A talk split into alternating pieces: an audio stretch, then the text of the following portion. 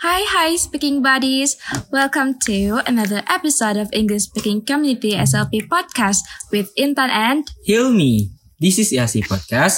Speak it out.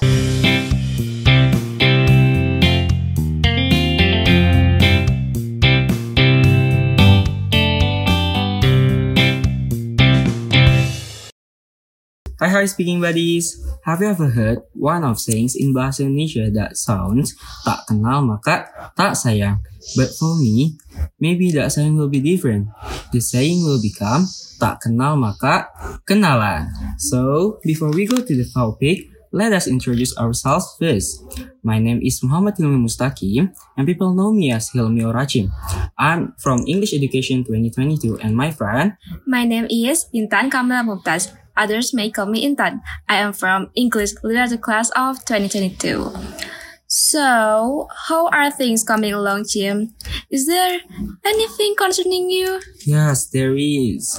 It's been a hell month, gosh. It's a difficult and challenging month for new freshmen like us. Do you feel what I felt too, Intan? I do, yeah. These months were super challenging. It involved adaptation phase, many chaotic ha- things happen and sort of things, you know. Yes. Moreover, we had to do our first meet task, which were so super hectic, and then we had to join our kaderisasi until finished, and many other tiring activities. But yeah, alhamdulillah, we made it through. But anyway, what are we gonna do here, Intan? Of course, we are gonna do a podcast together. Yay! Yay. Have you ever done a podcast before, Jim? Nope, I've never done it before. How about you? So have I, and I think we could actually do it. Oh, of course. So right now, we're presenting the Speaking Buddies, our first ever podcast. Yay! Yay! And I'm sure you guys, speaking buddies, are going to learn a lot from this in terms of learning English, obviously. Alright, but every podcast has their own topic, right? So, what topic are we going to talk about?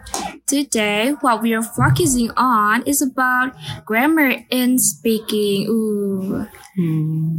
Anyway, what do you think about grammar, Jim?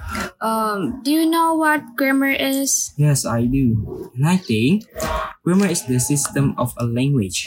People sometimes describe grammar as the rules of a, uh, of a language, but in fact, no language has the rules, right? Hmm, sounds intriguing, huh? And I want to ask you, Jintan, Hmm? because we can, because we take English as our major, do you often speak English? I do sometimes, but I guess I'm only doing it for academic activities. How about you? So do I. I seldom do it too. Yeah. I speak Sundanese more than English. Oh, but but Jim, have you ever been in a situation when you're telling people about your story or when you have a class presentation, but you got interrupted by someone because of the grammar mistake you have made, yes, yes, I have. And it's so very, very, very disturbing. right? But it becomes a problem for many people, right? That Hmm. make them scared of speaking English confidently. Yeah, but is it really important though? Um, do we need grammar in order to speak in English? Yeah, if you ask me whether grammar is needed or not, maybe I will answer yes. Because we need a great grammar when we speak in order to make someone understand what we speak. Yeah, yeah, I agree. You know that learning grammar is essential if you want to be able to communicate effectively in any language. Right. However, in communication English, it is not really important, I think. What? Really? Yeah. Why do you think grammar is not that important? I have heard a lot of foreigners speak English. For example, a simple sentence like this. My name, Achim. Why don't you use your name? I easily find that they like the word is, but I still understand that they are talking about their name, right? oh yeah, I see, I see. So what you mean is grammar is not that important because when somewhere someone already understands what you talk about, even if you make a little mistake in your grammar, that's gonna be fine, hmm. isn't it? Yes, it is. But guys, it doesn't mean that you can ignore grammar, huh? Okay, talking about grammar and speaking, do you know, Jim? I made a question box on my Instagram. Wow, sounds cool. Yeah, and I asked them about is grammar important or not in speaking? Really? Yeah. And how is it? What did they respond to? Alhamdulillah, their responses were very good, and I got various responses from them. But most of them agree with grammar is not important in speaking. Really? What did they say about their opinion? Let me take some examples, like from at Aisha Luna. She concluded that grammar is important for fluency and vocabulary is important for communication. Hmm, yeah, I agree with her. In this case, having many vocabularies is more important than having a good grammar. But don't think that grammar is not important to your speaking buddies. Grammar is needed in our communication too. If we don't understand grammar, how can someone understand what we are talking about? Yes, Jim. I think when we are fluent in grammar, we also can gain some confidence to speak. Okay, let's take a look for another answer, shall we? Yes, we shall. We got at m.adichandra's opinion. He stated that if the other person has understood what we are talking about, doesn't mean the language has been arranged correctly. Hmm. What do you think about this one, Jim? Hmm, yeah, I agree to with him. As long as someone understands what we talk about, if even if we make a little grammar mistake in speaking, I think that's enough. But don't assume that if someone has already understood what we talk about, it doesn't mean that your grammar is totally correct. Yeah. Maybe there is one or more grammar mistakes that you make, but he or she that you talk to doesn't even care with your grammar, right? Totally agree with you. I guess they don't care if we made small mistakes. By the way, they all have sharp judgment, aren't they? Yes, they are. So cool. Yes, they are so pretty cool. Okay, okay. For the last one we have from at this DIFH. She mentioned that casual conversation between human beings does not require proper grammar as long as both parties understand each other. Wow, Jim. I am extremely interested in this one. I personally agree with her. As long as we understand each other, it is not a matter, right? But Mm, what what comes to your mind, Jim? Tell us about your thoughts. Yes, I agree to with this last opinion. But actually, it's quite similar to the second opinion, right? So the main point I get is when you speak and someone who talks to you understand what you speak, that's gonna be enough.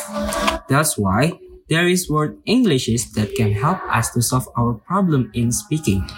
World Englishes um felt like I have heard it once. Oh, what is it? What does it mean? Okay, let me tell you guys.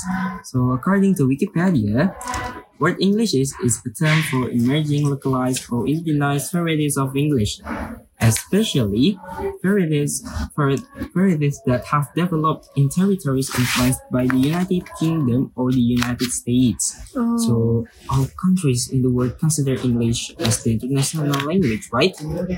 That's why world English is is divided into the three categories. Okay, let's get let's get started from the first. okay. So the first is inner circle. Mm-hmm. What is inner circle? Inner circle is the smallest circle. It's a circle that consists of some countries like the United Kingdom, the United States of America, Canada, Australia, New Zealand, and so on. They use English as the primary language or the mother tongue. And the second circle is outer circle. It's a circle that refers to countries that use English in education, business, government, and so on. wow. And the countries include India, Singapore, Nigeria, Pakistan, and Kenya. And the last circle is expanding circle. It's the biggest circle that refers to the countries uh, that consider English as the foreign language, such as China, Thailand, Russia, Mexico, Turkey, and so on. Wow, wow, wow. Seems like we're seeing some new side from Ajim, yeah, speaking buddies. okay, so Indonesia is considered in the third circle then, right? Yes, Intan, you're totally correct. Because Indonesia doesn't consider English as the primary language or even use English in the government. We consider English as a foreign language. Okay, so what is the correlation between world Englishes and um, the way we solve the problem in speaking, especially our grammar mistakes in speaking? Yes, that's a good question, Intan. Yeah, so let me explain to you guys all the correlation between them. So the correlation is that some countries have their own accents, don't they? Like Singlish, which is Singaporean English, or mm-hmm. Chinglish, which is Chinese English, Hinglish, which is Hindi, Hindi English, and so on. They all have their own unique accents, or even they speak with a bad grammar. But it doesn't make them shy to speak English in public. They consider if someone who talks to them understand what they say, that's gonna be enough. Don't be too glued to the grammar because it's just gonna impair our speaking skills. So, as Indonesian, you want to be loved by the other countries? Of course, no, No, right? yeah. That's why we don't need to be afraid or shy to speak English anymore. Okay, wow, thank you, Achi, for the amazing exposure. You're welcome. That is right, guys. There's nothing to be afraid of speaking English anymore, yeah, speaking buddies, because the fear of failure, being misunderstood, and grammar mistakes are the most common reasons why we are afraid to speak English. That's correct. However, it doesn't mean that you can ignore grammar. If you want to use English as your second language, you should improve all skills. In short, do not be afraid of being wrong. Let's believe in yourself, guys. Yes, yes, yes. And remember, the key to mastering a language is practicing. So if you want to master English, just keep practicing and do not be afraid of making some mistakes because we can take the lesson from our own mistakes. Exactly. Also, you're the only one who knows some ways to overcome your fear of speaking English, speaking buddies. Yes. Well, what are your thoughts about these issues, Intan? Well, of course, this is a highly interesting topic. Additionally, it's just so relatable for everyone who doesn't really speak English, like me, for example. and the issues previously described have happened to me and the other friends. And the most important that we found the solution of how we solved it. Yes, but unfortunately, we are at the end of the podcast. Hmm, Oh, oh so really? sad. Well, when did we start talking? We started about 10 minutes ago. Oh, 10 minutes. Okay, but really, really, we have to end our podcast, guys. That is all from our podcast with the topic Is grammar very important in speaking? Yeah, I hope you guys enjoyed it all the way and got new insight from our discussion.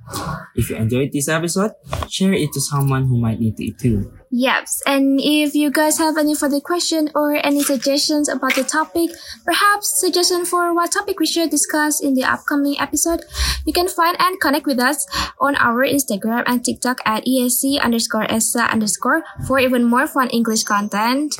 And keep up with us by following us, guys. Yes, and SHUP Instagram as well for further updates on wonderful on other wonderful content. So don't forget to follow them. Alright, see you on the next ESC podcast. Goodbye. Bye.